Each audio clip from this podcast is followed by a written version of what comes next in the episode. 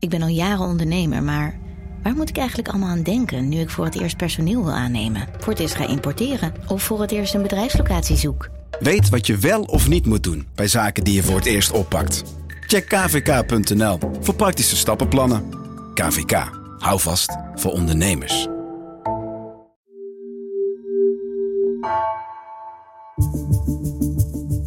Vanaf de redactie van NRC het verhaal van vandaag. Mijn naam is Thomas Ruip.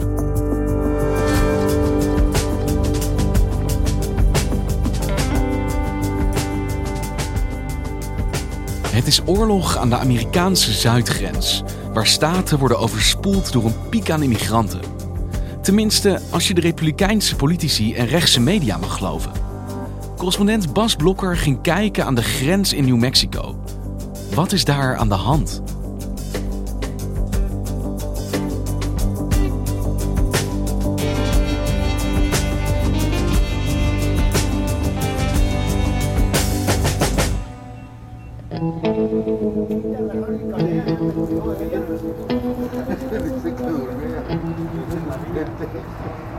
Ik was in Deming, New Mexico.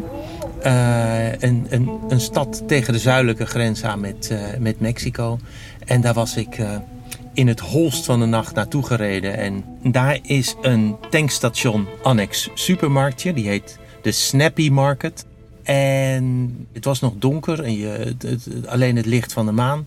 Maar om half, kwart over vijf, half zes ging het licht binnen aan en bleek uh, dat de, uh, nou, de, de, beheerder van het supermarktje ja, de, bereidde zich voor op de dag. En er kwamen ook wat mensen parkeren bij het tankstation.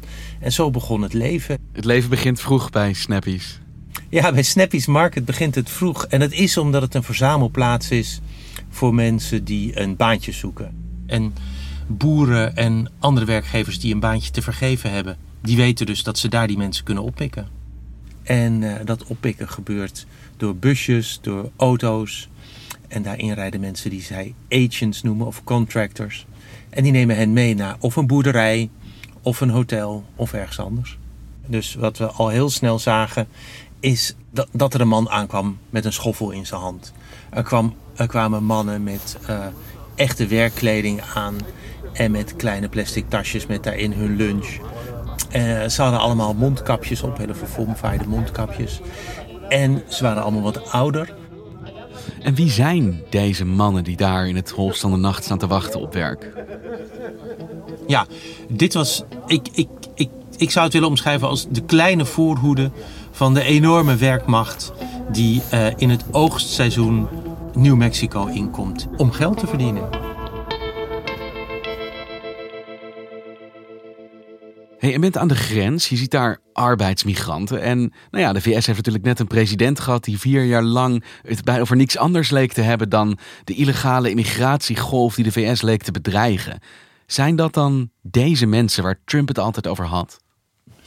Maar je hebt twee duidelijk onderscheiden groepen migranten. Je hebt de mensen die komen werken, vaak op dagelijkse basis, of die blijven maanden in de VS. Die komen bovenal uit Mexico, dus van helemaal niet zo ver van de Amerikaanse grens vandaan. En je hebt, en dat waren de mensen voor wie Trump zijn Amerikaanse kiezers heel erg bang heeft gemaakt, de mensen die uit Centraal-Amerika komen. En dat zijn vluchtelingen. Dus die komen, ja, die willen ook naar de VS, maar om een andere reden dan deze seizoensarbeiders. En hoe gaat het met die migratiestroom ja, sinds de dagen van Trump? Ah, dat is het, het, het fascinerende. Hè? Het, het feit dat ik naar de grens ging, dat is allemaal omdat er een crisis aan de zuidelijke grens heet te zijn. You're not hearing anything about it most of the time, but our border is still completely out of control. Welcome back. The growing crisis at the southern border. House lawmakers are set to debate two bills on immigration reform next week. There were more than 100,000 migrant encounters at the southern border last month alone. Er, er zouden ongekend veel uh, migranten op weg zijn naar de VS. En die zouden de, ja, de grens eigenlijk overspoelen. En in de eerste plaats, dat klopt. Uh, de, de, de, uh, de grenspolitie houdt maandelijks bij hoeveel aanhoudingen ze verrichten. Encounters noemen ze dat. Um, En dat aantal is, is uh, in geen jaren zo hoog geweest als nu. En hoe komt dat? Um, dat komt eigenlijk door twee dingen. De uh, problemen in Centraal-Amerika, waar de meeste van die mensen vandaan komen, zijn verergerd door COVID. Overigens ook de problemen in Mexico. De, de, de armoede daar is ook verergerd door COVID. Dus de noodzaak in het thuisland is groter geworden voor een grotere groep. Ja, dat is de push-factor. En dan is er een ongrijpbare factor, dat is de pull-factor. En die wordt door de Republikeinen, de tegenstanders van president Biden, uh, gebruikt om te zeggen: ja, Vind je het gek dat er zoveel migranten zijn? Die Biden is zo'n softie. We have now President Joe Biden who cares more about illegal citizens, 11 million of them, becoming citizens instead of almost the 11 million Americans right. who are out of work. Um, we are not a nation without our borders. And I think it is very wrong to bring a halt to the construction of that border because of the thousands and thousands of people that are being invited to come to the United States to eventually become citizens of the United States. Maar er wordt dus gezegd dat het zachtere imago van Biden een aantrekkingskracht heeft op die vluchtelingen. Maar is dat alleen imago of heeft hij inderdaad ook een opener beleid dan bijvoorbeeld Trump had met ten aanzien van die grens? Nee, vooralsnog niet. Hij heeft wel de belofte van een opener beleid. Het enige wat Biden materieel heeft veranderd ten opzichte van Donald Trump is dat minderjarige kinderen niet meer aan de grens worden teruggestuurd. Maar verder heeft Biden um, eigenlijk alle maatregelen van Trump intact gelaten. En hoe leeft dit thema op dit moment in de Verenigde Staten? Hoe wordt er over gesproken als jij, ja, ik weet niet, je televisie aanzet daar? Ja, het is een crisis. Crisis at the southern border. Dat is de hele tijd het mantra. Als je, als je kijkt naar nieuwsshows als van Tucker Carlson, die, um, ja, die, die maakt elke, elke week een, een enorme show van um, honderden, duizenden migranten die stadjes in Texas overspoelen. En, en dan gaan er enorme indianenverhalen rond. Weet je, de, de migranten krijgen allemaal een creditcard met 1400 dollar erop. What do you mean, give a, a $14 Visa debit card? I'm, I, I haven't been able to confirm this yet, but I have been told that they're giving you, these immigrant families, they're in these hotels, they're giving them a $14, I mean a $1,400 Visa card. That they can why don't we have a real insurrection at some point? Like, why, why would we put up with this? Well, in my opinion, you're closer than you've ever been in our country of getting to that. Kortom, hier is, um, hier is een grote migratieindustrie ook aan de rechterkant van het politieke spectrum op gang gekomen. En luister, ze kunnen, ze kunnen hameren op een feitelijke toename van het aantal migranten. Maar het, gaat, het zit natuurlijk allemaal in het woordje crisis. Is het een crisis? Is het een toename? Dat staat buiten kijf. Maar is het een crisis die Amerika bedreigt? He, zoals Tucker Carlson in zijn show zei: Als je aan de zuidelijke grens woont, staat je hele leven op zijn kop. Nou, daarom ging ik naar de zuidelijke grens. Staat het leven daar op zijn kop? Nou, niet waar ik ben geweest. Nou, en, en omdat ik wilde weten hoe dat was en het ook een beetje in historisch perspectief wilde zien, ben ik gaan eten met de 90-jarige Walter Schultz en zijn kinderen en schoonkinderen. En we zijn gaan lunchen in uh, Irma's Kitchen in Demming. Three beef tacos. Three beef tacos? Did you want the plate or just three beef tacos? Yeah, plate would be fine. Okay. Toen Walter Schultz nog een, een kleine jongen was, um, was Demming gewoon een wit stadje. When I was in high school, the, my graduating class was right at 5% Hispanic, Mexican. Hij was zelf van Duitse komaf. Het was gewoon een Europees-Amerikaans stadje. En dat is in razend tempo, eigenlijk over de, over de spannen van zijn leven heen, is dat veranderd. Nu is Deming voor ongeveer 80% Hispanic. Well, right here, if you just listen, you'll hear Spanish. That's all they're talking about. But when you were a child, what was it? Oh, when I was a child, it was, yeah, it was all white. Wanneer is die verandering wat uh, opa Schultz betreft, als ik hem zo mag noemen, wanneer is dat begonnen? Er zijn twee momenten waarop de ontwikkeling is versneld. Het eerste is in de jaren 80, als Ronald Reagan besluit dat hij, um, hij vindt illegale immigratie ook lastig. Maar hij kijkt er heel anders naar dan Donald Trump. Hij heeft ook helemaal aan het eind van zijn ambtstermijn een prachtige toespraak gehouden. Zeg maar, waar, waarin hij migratie als een soort voorbeeld stelt voor waarom Amerika eigenlijk zo groot is.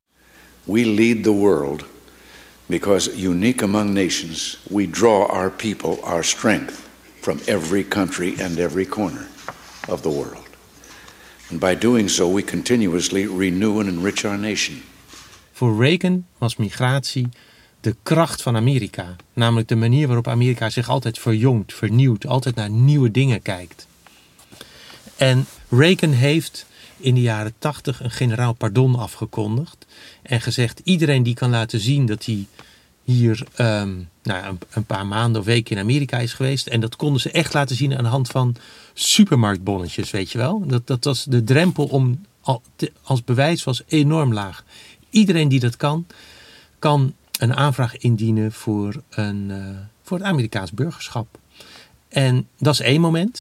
En uh, het tweede moment was in 1994, toen Amerika met Mexico een handelsverdrag opstelde. En het gevolg van het handelsverdrag is dat eigenlijk alle landbouwgrond die in Mexico was, werd, um, die kwam in handen van rijke Mexicaanse boeren.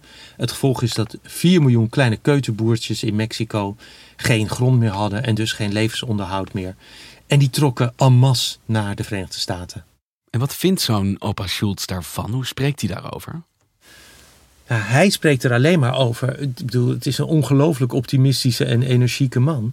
Hij ziet het echt alleen maar in termen van, ja weet je, zij zijn nu mijn buren. They were, like Trump said, they were bad people, but they're, but they're not. But they're not.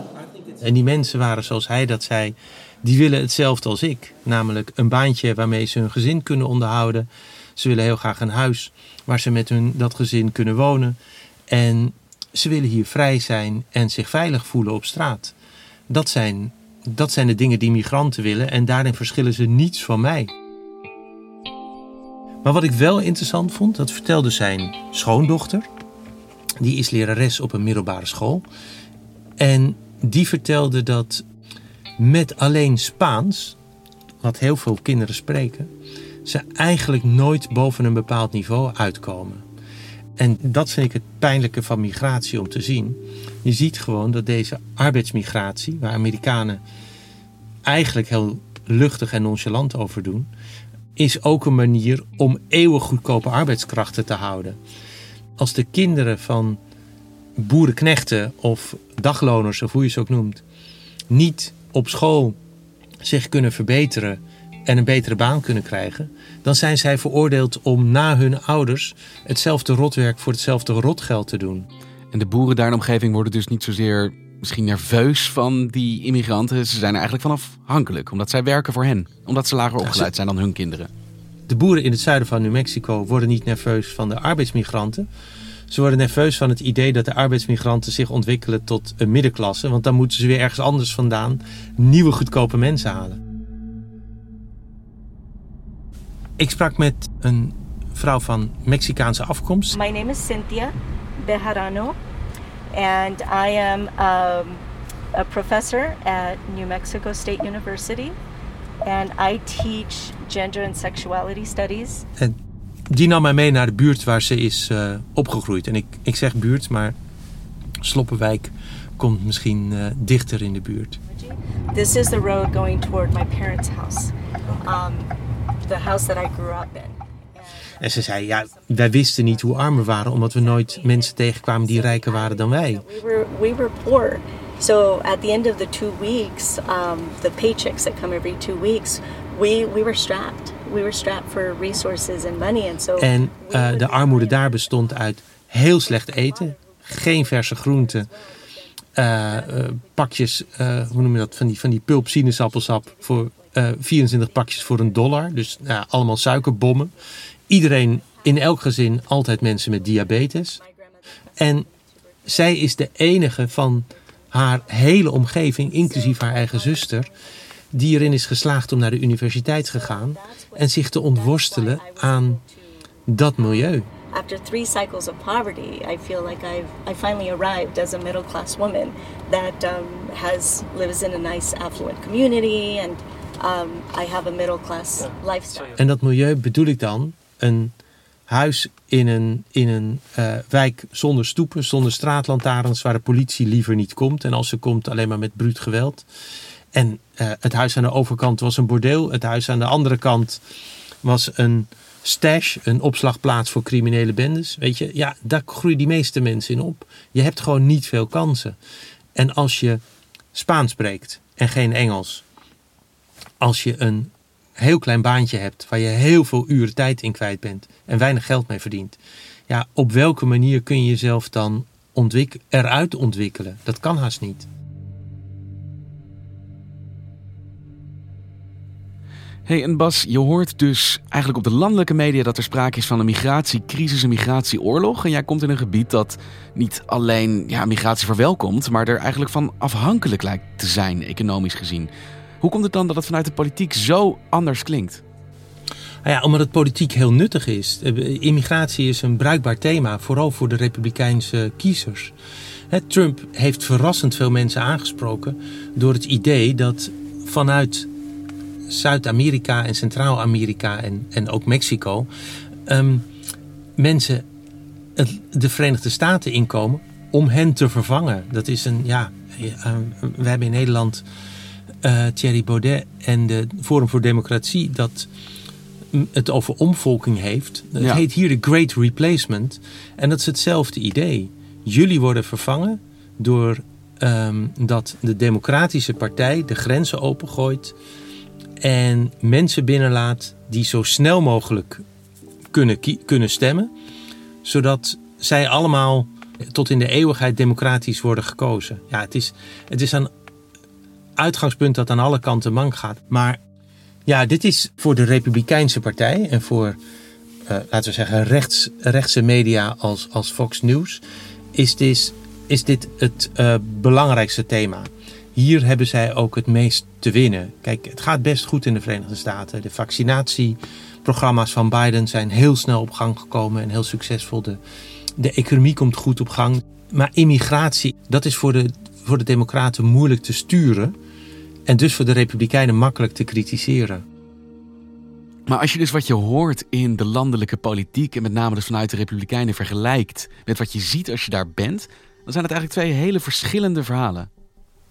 Ja, kijk, als je het in de landelijke politiek hoort, dan is er dus een grote replacement gaande. Waarbij de Democraten de grenzen opengooien om mensen binnen te laten die het werk van Amerikanen komen pikken. Terwijl als je ter plekke bent, dan zijn er helemaal geen Amerikanen die daar willen werken. Die willen niet werken in de bouwplaatsen uh, waar elk jaar ontzettend veel ongelukken gebeuren. Die willen niet werken in de hotels waar ze onderbetaald worden. En die willen al helemaal niet werken op het veld waar ze met een kromme rug uien staan te tillen of sla staan te oogsten voor een paar dollar per, uh, per dag. En ik kan het heel makkelijk illustreren aan de hand van een, een brief die de boeren in Hatch, Chili hoofdstad van Amerika, uh, stuurde aan Trump toen hij net president was geworden. Hè? Je herinnert je dat Donald Trump op de belofte het Witte Huis is binnengezeild. Dat hij uh, een grote muur zou bouwen, dat hij streng zou zijn. Staat me iets van bij. Voor de, ja, streng zou zijn voor de migranten, dat hij ze allemaal terug zou sturen aan Mexico. En een van de eerste brieven die hij kreeg, kwam dus uit Hedge van de boeren. Die zeiden: Meneer de president, wij hebben op u gestemd, want wij vinden u een geweldige meneer. Maar als u onze arbeiders uitzet naar Mexico, wilt u dan alsjeblieft voor zorgen dat hier 6000 nieuwe mensen aan het werk kunnen? Want wij kunnen die arbeidskrachten zelf niet vinden. We hebben ze nodig. Ja, het is. Uh, New Mexico leeft van arbeidsmigranten. Ja, maar landelijk zal dat misschien niet het politieke thema worden.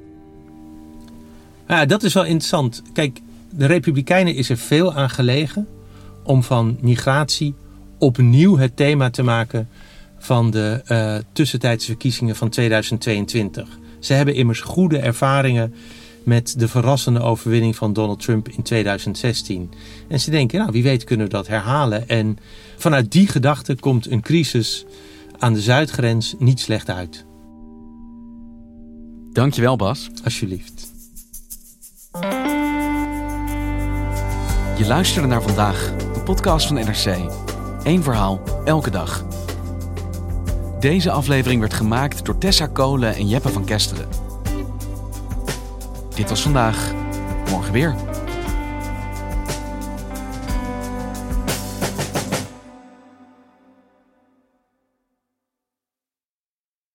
Technologie lijkt tegenwoordig het antwoord op iedere uitdaging.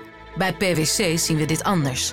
Als we de potentie van technologie willen benutten, kunnen we niet zonder een menselijk perspectief. Human-led, tech-powered noemen we dat. Ga naar pwc.nl.